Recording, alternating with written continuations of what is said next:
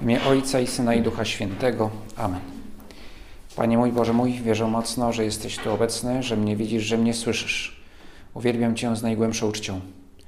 Proszę Ciebie o przebaczenie moich grzechów i o łaskę owocnego przeżycia tego czasu modlitwy. Matko moja niepokalana, święty Józefie Ojcze i Panie mój, Aniele stróżu mój, stawcie się za mną. Po sześciu dniach Jezus wziął ze sobą Piotra, Jakuba i Jana i zaprowadził ich samych osobno na górę wysoko.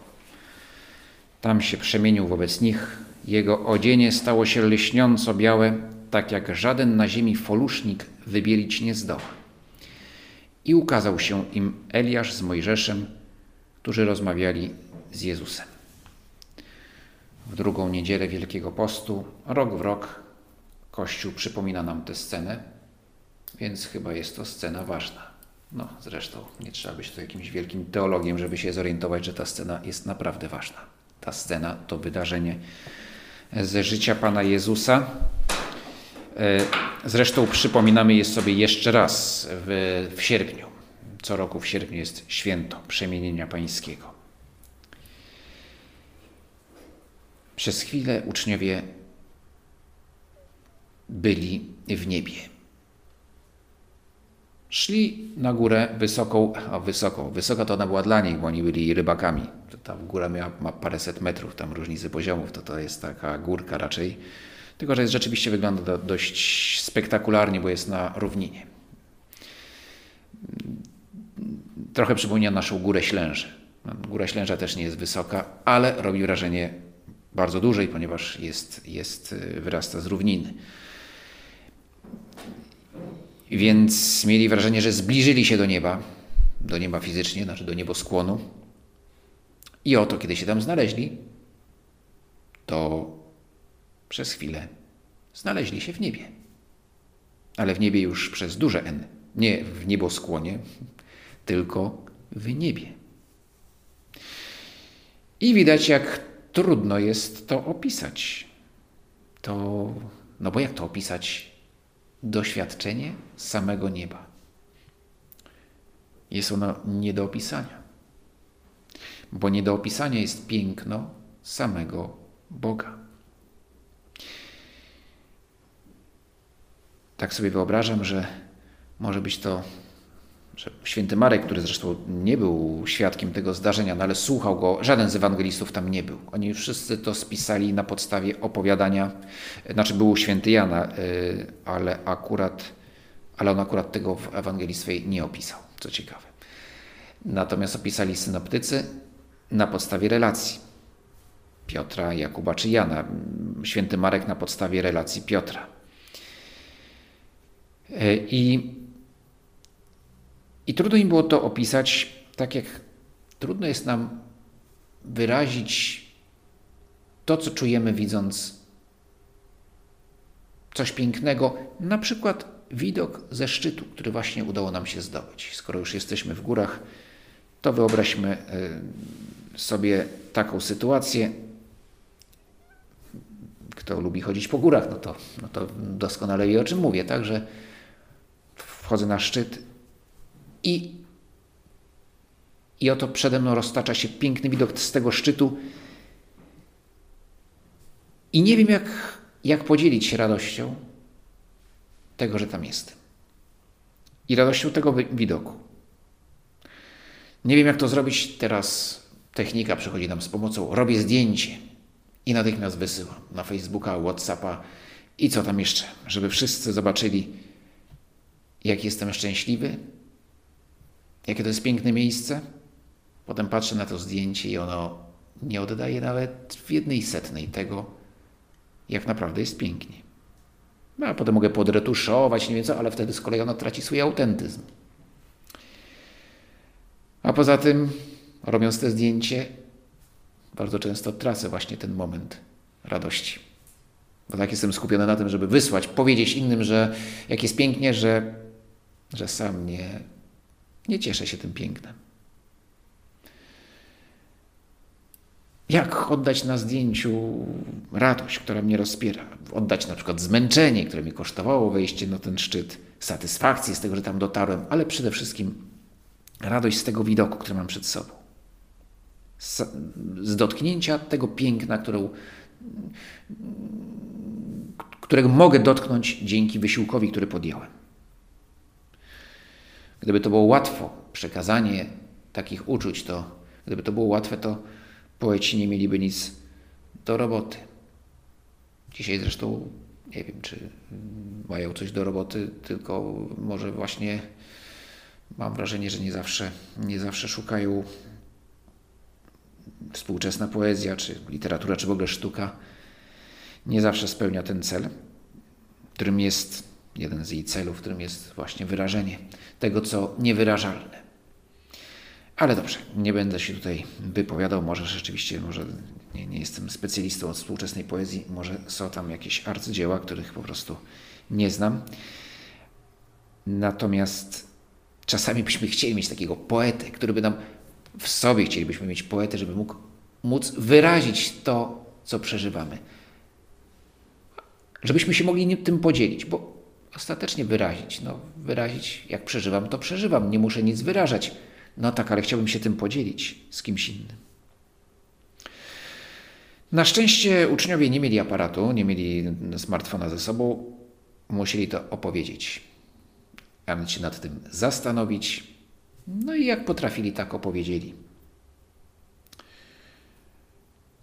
Tutaj, jeśli była to rzeczywiście relacja, tak jak się przypuszcza, że, że, że Ewangelia Marka jest w dużej mierze zapisem relacji Szymona Piotra, no to Szymon, człowiek praktyczny, co powiedział, no było tak jasno, tak żaden folusznik tak by nie wybielił jak tej szaty, jak, jak była jasna szata Pana Jezusa.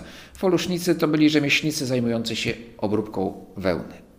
No i że dobre ubranie z wełny, jeśli tam wełna była oczyszczona, no to było białe.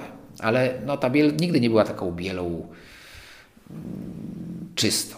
No, więc, więc właśnie mówią tutaj, no, tak białe, że, że żaden folusznik tutaj by ta, tak nie wybielił, tak nie oczyścił wełny, żeby było tak, tak białe, bo jest bielsze niż, niż sama wełna.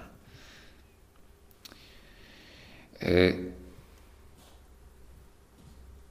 to, co chcieli powie powiedzieć w skrócie, ujrzeliśmy światło. Światło, które nie było naturalne.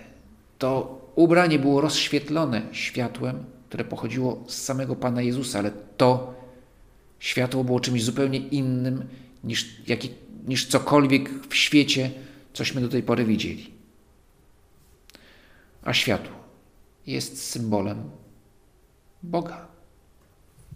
Światłość w ciemności świeci, najbardziej naturalnym symbolem Boga.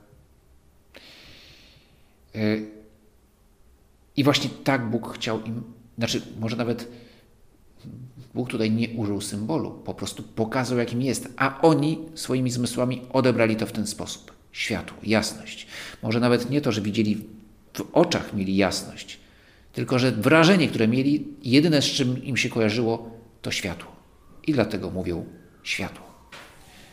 Bo poczuli bliskość Boga, a Bóg im się kojarzy ze światłem właśnie. Ujrzeli Pana Jezusa w boskiej naturze. Po raz pierwszy dotknęli prawdy o nim w całej pełni. Pan Jezus wcześniej co róż daje im do zrozumienia, że jego natura nie jest tylko naturą ludzką. Ukazuje swoją boską naturę. Wielokrotnie. E, I oni gdzieś przeczuwają, uzdrowienia, uwolnienia opętanych, wskrzeszenia. Tam już jest, to jest jeszcze przed wskrzeszeniem Łazarza, ale już po wskrzeszeniu młodzieńca z Nain. To są czyny, które to są jasne znaki, że ten, że ten, który je czyni, jest kimś więcej niż człowiekiem. No ale mogli to sobie jeszcze jakoś tłumaczyć, mówiąc, no to działa Bóg, przez Niego działa Bóg, to, to jest Mesjasz, nie ma wątpliwości. Kim jest ten Mesjasz? No to jest taki tajemniczy człowiek, przez którego Bóg tak działa tak bardzo bezpośrednio. No ale tutaj Pan Jezus im mówi jasno: Ja jestem Bogiem. Mówi to bardzo jasno, znaczy tak jasno, że dosłownie bije z niego światło. Więc jasność jego słów jest nie o słów, no nic nie mówi, właśnie o to chodzi. Tutaj, on tutaj nic nie mówi, on po prostu stoi i oni go widzą przez chwilę, przebija przez niego boska natura. Gdy uczniowie szli na, na górę, wspinali się tam, czy też dreptali, no bo jak mówię, to nie było jakaś tam, to naprawdę nie, nie, nie, nie, nie jest wejście na, na K2 zimowe, tylko no, tak, taki spacer dość wymagający, ale, ale generalnie raczej no, parogodzinny, parogodzinny marsz. Gdy więc wchodzili na tę górę, wiedzieli, że idą się modlić. No, znali już Pana Jezusa, wiedzieli, że On lubi się modlić sam, lubi się modlić na wzniesieniach. E, choć oczywiście, kiedy jest w Jerozolimie, to modli się w świątyni.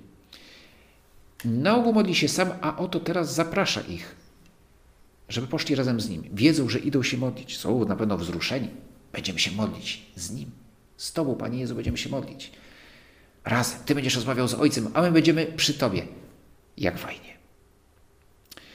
Góra to naturalny symbol modlitwy. Wtedy no, nie chodzono po górach, żeby tam dostać pieczątkę PTTQ, że wszedłem na ten czy na tamten szczyt, tylko yy, jeśli się szło w góry, to po to, żeby wypasać owce, po to, żeby ukrywać się przed wymiarem sprawiedliwości, albo żeby się modlić. No, może, czy może jeszcze było parę innych motywacji, ale na pewno nie były motywacje turystyczne, były myślę, że rzadkie.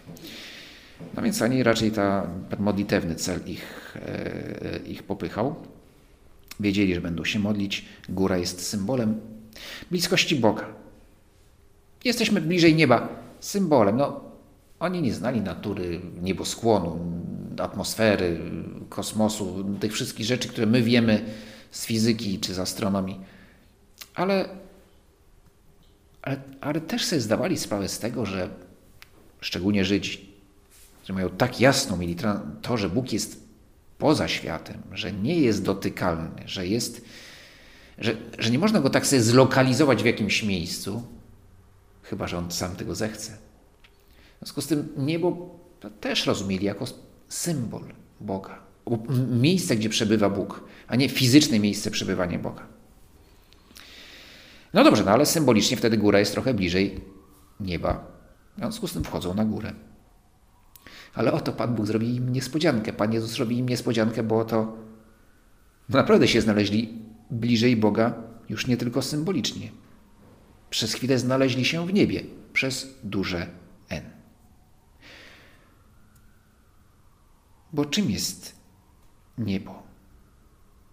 Jest Jego obecnością, którą człowiek odczuwa w pełni. Nie niejasno, jakby w zwierciadle, tak jak mówi święty Paweł, używa tego porównania, że widzimy Pana Boga, ale taki, on jest taki nie, niejasno go widzimy. Nie, twarzą w twarz jest po prostu z nami. To jest niebo. Mówi katechizm, żyć w niebie oznacza być z Chrystusem. Bardzo taka lakoniczna definicja, co to znaczy być w niebie. Być z Chrystusem. Teraz też jesteśmy, ale jednak trochę nas dzieli. Nie fizyczna odległość, to zresztą jesteśmy całkiem blisko Boga obecnego w Przenajświętszym Sakramencie. Jest to szczególna obecność. Oczywiście Bóg jest wszędzie, tutaj jest obecny w sposób szczególny. A nie chodzi o fizyczną bliskość, tylko o przebicie się przez barierę, przez tą, nie wiem jak to określić, kurtynę, przez mistycy mówią obłok niewiedzy. Też nawet to wyrazić jest trudno. Przez co musimy się przebić, ale przez coś się musimy przebić, żeby dotknąć Boga takim, jakim jest albo raczej my, my jak my, my to możemy się przebijać. Jeśli On nie otworzy, kurtyny nie odsłoni, to się nie przebijemy. On tą kurtynę musi uchylić. I uchyla. I uchyla przez chwilę uczniom tam na górze Tabor. Przez chwilę zobaczyli Pana Jezusa w całej pełni, kim jest, choć są z Nim przecież bez przerwy. I On bez przerwy jest Bogiem. To nie jest, że On stał się Bogiem przez chwilę, to nie miałoby sensu. On cały czas jest Bogiem człowiekiem, ale tutaj ujrzeli Jego bóstwo. I to sprawiło, że tabor stał się niebem. Przez chwilę. Niepiękny widok, który notabene jest dość piękny. Taki majestatyczny, może nawet trochę groźny. To, co się rozciąga pod górą tabor, To jest równina o wdzięcznej nazwie Harmagedon. I to, to tak sobie wyobrażali sobie w tradycji żydowskiej, że to tam będzie e, że to tam będzie starcie ostateczne sił zła z siłami dobra. Znowu symbolicznie, no bo duża równina, dużo miejsca, żeby się, żeby się bić. Ale, ale no, ten Armagedon, Harmagedon, no, fajna ta równina, ale mm, piękny widok, ale to jeszcze no, niebo staje się w momencie, kiedy ujrzeli Ciebie, Panie Jezu, takim, jakim jesteś w ludzkiej i w boskiej naturze. Czytałem niedawno książkę z gatunku, nazwijmy to Catholic Fiction, yy, znaczy powieść o. No ona się kończy, kończy się końcem świata, czyli tak dość mocno się kończy. Nie będę mówić jej tytułu, bo może ktoś z Was będzie czytał i wtedy zdradzam, że ona się kończy końcem świata czy drugim przyjściem, bo tak ściśle rzecz biorąc, to autor podkreśla bardzo mocno drugie przyjście, nie zniszczenie, tylko w tej książce jest bardzo pięknie ukazane Jezusa, który znowu wchodzi w świat. Bardzo mądrze, dobrze, aż mnie kusi, żeby powiedzieć, kto tą książkę bardzo lubi, ale ktoś, kto naprawdę, no papież tą książkę bardzo lubi. Więcej już nie zdradzam, bo może ktoś jednak będzie ją czytać i spoiler Otóż, no co nie taki spoiler, koniec świata kiedyś przyjdzie, to, to akurat nie spoileruję, będzie koniec świata, znaczy koniec świata, drugie przyjście Pana Jezusa będzie, to żadna, żadna tajemnica. Ale, e, e, ale jak opisuje autor tą scenę finałową? A właściwie początek, bo on jest bardzo mądry, się zatrzymuje w pewnym momencie, mówi, że dalej już, co ja będę wymyślał, dalej, reszta jest tajemnicą. Dochodzi tylko do pewnego momentu, jakby zaczyna opis, a potem a czytelnik zostaje, no dalej możesz sobie wyobrażać sam i tak sobie nie wyobrazisz, bo nikt z nas sobie tego wyobrazić nie może. Ale jak to jest? Po ciężkich prześladowaniach chrześcijan zostaje niewielu i ten, który jest papieżem, oczywiście ukrywającym się, zwołuje biskupów i nie tylko, zwołuje taki ostatni sobór, wiedząc, że to już, już czas się nadchodzi. Oczywiście wszyscy chrześcijanie modlą się, są, którzy wiedzą, przeczuwają, Y, że to jest jakiś ważny moment. Oni gdzieś tam w ukryciu, nie będę zdradzał gdzie, y, się spotykają i papież czuje, to już czas, już czas. Wystawia monstrancję w ubogiej kaplicy. Wszyscy ci, którzy tam są obecni, zaczynają się modlić. I jest pięknie opisane, jak stopniowo ta modlitwa sprawia, znaczy ta obecność Pana Jezusa jest coraz mocniejsza, coraz mocniejsza, coraz mocniejsza. Nie myślę, że to już jest ostatnia wystawienie Przenajświętszego Sakramentu w historii świata, a tymczasem to jest coraz mocniej, coraz mocniej czują, że Pan Jezus jest i świat wokół ulega zmianie, ale najpierw oni ulegają zmianie. A prześladowcy nawet nie wiedzą, że idą ku katastrofie. Prawda? Ale ci prześladowcy tam są gdzieś z boku, znaczy to w ogóle autor poświęca im stosunkowo niewiele uwagi, bo oczywiście to wszystko, co chcą złego zrobić, już uczynić nie mogą. Ale właśnie Pan Jezus stopniowo ogarnia świat. I ogarnia samych tych chrześcijan. No i jest właśnie pięknie opisana ich radość, że, że zaczynają widzieć. Zaczynają widzieć Boga, który jest. No i radość, która ich rozpiera. Bardzo piękny to opis, zupełnie może nie taki e, apokaliptyczny, bo katastrofa jest wcześniej, żeby było jasne. Wcześniej jest sporo katastrof ale ten moment jest momentem takim no, przejmującej radości. Dobrze, to jest opis oczywiście fikcyjny, jak właśnie mówię, Catholic Fiction i tego, co, mm, co nas, co czeka nas wszystkich i świat przy ciała zmartwychwstaniu. No wiemy, że wcześniej, no, prawdopodobnie wcześniej jednak spotkamy się z Panem Jezusem, zostawiwszy czasowo nasze ciała tutaj, w tym świecie i idąc do Niego tylko duszą, ale kiedyś będziemy też i ciałem przy Nim. Przedsmak, przedsmak nieba jest już tutaj na ziemi. Przedsmak, oczywiście, to nie jest nieba. Mamy dość duże zdolności w, w, w czynieniu piekła na ziemi. To człowiek ma dość, wykazuje się co róż takimi umiejętnościami. Natomiast o niebo też się ocieramy. I dobrze jest to umieć zauważyć. Każde spotkanie z Jezusem jest, jest przed smakiem nieba. Jest jakimś gdzieś przybliżeniem się co najmniej do góry, do góry Tabor. Każda msza święta no, to szczególne, wyjątkowe spotkanie. To jest przecież Ty, Panie Jezus, stajesz się obecny pośród nas. To jest góra Tabor. Z rzadka odczujemy to mocniej, tą obecność, ale ona jest realna.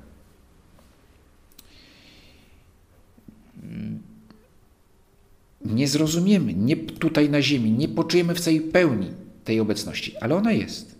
I to jest przedsmak nieba. Notabene, ucznio, notabene uczniowie byli z Panem Jezusem tyle czasu, ale taką scenę, znaczy taką sytuację przeżyli tylko raz. Następnym razem będzie dopiero po zmartwychwstaniu. Na krzyżu zobaczą coś zupełnie odwrotnego. Zobaczą, tylko Jan zobaczy, bo reszta ucieknie. Y, w chwale tylko trzech z nich, wcale nie dwunastu, tylko trzech zobaczy Pan Jezusa w chwale i tylko raz przed zmartwychwstaniem. Tym niemniej pozostali wierzą i są i wiedzą, wierzą, że Pan Jezus jest, jest Mesjaszem. Chociaż ta wiara jest, jak już mówiłem, niepełna. Niedoskonała, może raczej tak należy powiedzieć.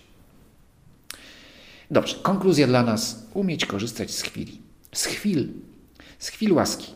Gdy jakaś modlitwa, jakaś msza, jakaś spowiedź poruszy cię mocniej, odczujesz rzeczywistość tego, co się stało, trochę mocniej, to korzystaj z tej chwili.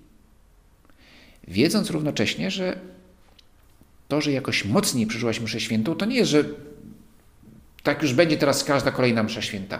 Bardzo bym chciał, ale jeśli tak nie jest, zachowaj wspomnienie z tego spotkania, znaczy z tego, że tak, że lepiej, pełniej poczułaś Jego obecność w sakramencie czy w modlitwie.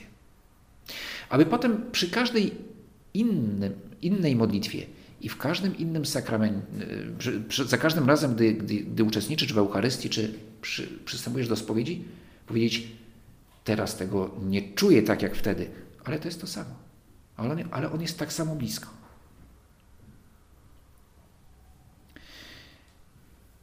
Ważne jest, żebyśmy to odczuwali, ten przedsmak nieba. Tak jak ważne jest to, żebyśmy pamiętali, że ku niebu idziemy. Ku niebu, które jest właśnie spotkaniem tym ostatecznym z Tobą, Panie Jezu. Że tam już nic nas nie będzie dzielić. To jest właśnie niebo. Każde inne wyobrażenie będzie kulawe albo nawet mylące. Niebo to jest Twoja obecność. Cała reszta to są dodatki. Jak góra Tabor. Może być będzie ładnie, tak ładnie na pewno będzie w niebie, ale to nie to jest istota, że jest ładnie, bo jest ładnie, bo Ty tam jesteś, dlatego jest ładnie. Mówię oczywiście tutaj o, w takim z, z, tylko w jakimś przybliżeniu, tak? No, znaczy, że będzie ładnie, no. będzie pięknie, bo Bóg jest piękny. Wtedy Piotr rzekł do Jezusa: Rabbi, dobrze, że tu jesteśmy. Postawimy trzy namioty jeden dla ciebie, jeden dla Mojżesza i jeden dla Eliasza. Nie wiedział bowiem, co powiedzieć, tak byli przestraszeni. I zjawił się obłok osłaniający ich, a z obłoku odezwał się głos: To jest mój syn umiłowany, jego słuchajcie. Byli przestraszeni. No, ktoś powie, ładne mi niebo, cała wieczność w stresie, jeżeli tak ma wyglądać niebo, cały czas przerażone jak oni. No, rzeczywiście, oni jeszcze, uwaga, oni się tu tam otarli, weszli, można powiedzieć, na chwilę dotknęli nieba. Ale jeszcze do niego nie weszli, tak ściśle rzecz biorąc, bo jeszcze nie są gotowi. Żaden folusznik ich nie wybieli, właśnie im to zresztą są tego świadomi, że nie ma takiego folusznika na świecie, który by wybielił ich szaty i to rozumieją symbolicznie, to białe szaty to był jas symbol jeszcze starotestamentalny czystości. Mówią, My tutaj na ziemi nie osiągniemy tego. Ale ten boski folusznik, owszem, nasze szaty oczyści. Tylko, że jeszcze nie jest ten czas.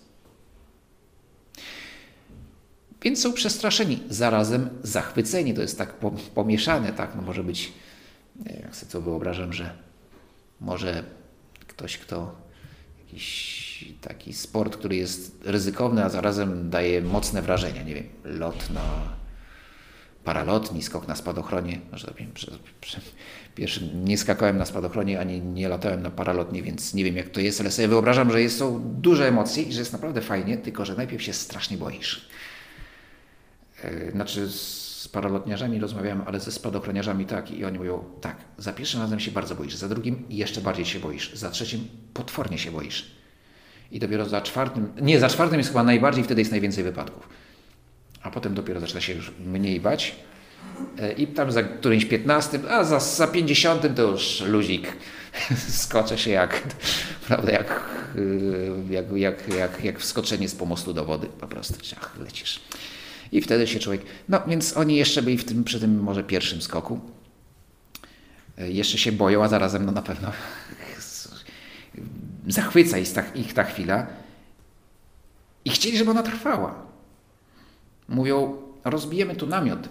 Znowu, to są słowa, tam się wydaje trochę dziwne. Powiesz, skąd oni ten namiot tam mieli? Trzy namioty. Co za, co za bajki opowiadają? Na pewno nie mieli ze sobą trzech namiotów. No nie wiem, może jakiegoś osiołka, chociaż ktoś mi tam tłumaczył, że mógł prowadzić osiołka, bo to nie jest, że to nie jest wspinaczka na linach, tylko, tylko tam ścieżka jakaś prowadziła. Może mieli ze sobą osiołka z trzema namiotami, ale z trzema namiotami? Szli tam się pomodlić. Po co rozbijać namiot? To jest symbol. Rozbijemy tu trzy namioty. Zamieszkajcie tutaj, rozbić namiot. E, w tradycji biblijnej oznacza zamieszkać. Dla nas to jest rozbić namiot, zamieszkać czasowo, ale dla, e, w języku Biblii to znaczyło coś więcej. Bóg rozbił namiot w obozie, w obozie Izraela. Izrael maszeruje przez pustynię, Bóg rozbija tam namiot, zamieszkał w obozie. E, dlatego oni mówią o tych namiotach. Że oni po prostu by chcieli, żeby oni tutaj zostali. W szczególności Pan Jezus w tej boskiej naturze. A Eliasz i Mojżesz oczywiście też bardzo chętnie. Bardzo nam miło, że jesteście. No ale jeszcze gotowi nie są.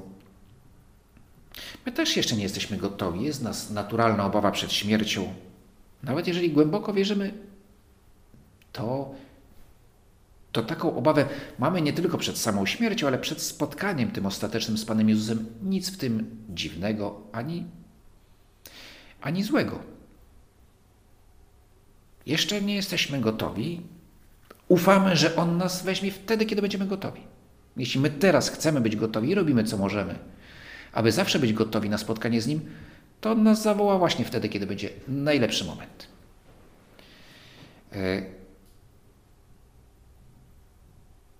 I jak już mówimy o tym foluszniku, oczyszczającym wełnę, żeby ona właśnie była leśniła, żeby była biała, no dobrze, pomyślmy o tym czasie Wielkiego Postu, gdzie szczególną rolę przywiązujemy do pokuty, do oczyszczenia, żebyśmy widzieli sens tych umartwień, postanowień wielkopostnych, które podejmujemy i dobrze, żebyśmy je podejmowali.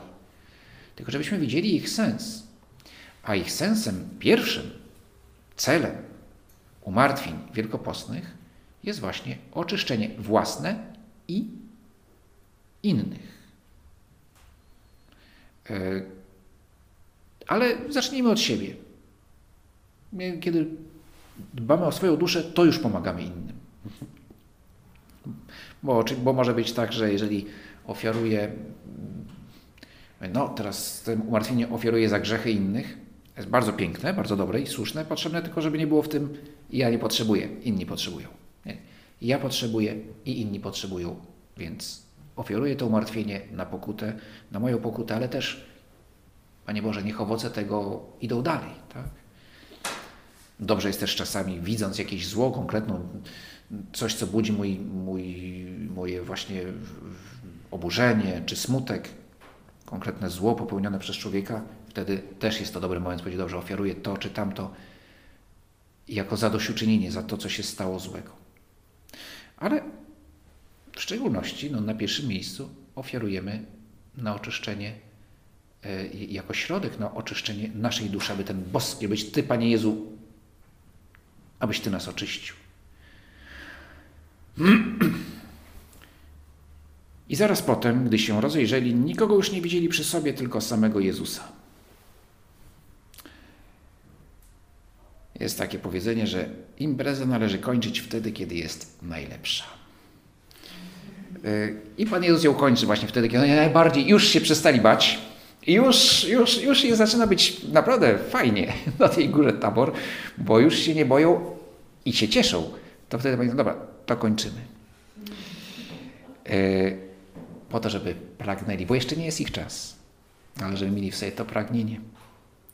W niebie ta impreza zawsze będzie najlepsza i nigdy się nie skończy.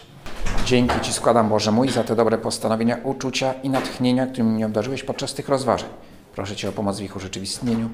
Matko moja niepokalana, święty Józefie, Ojcze i Panie mój, Aniele Stróżu mój, wstawcie się za mną.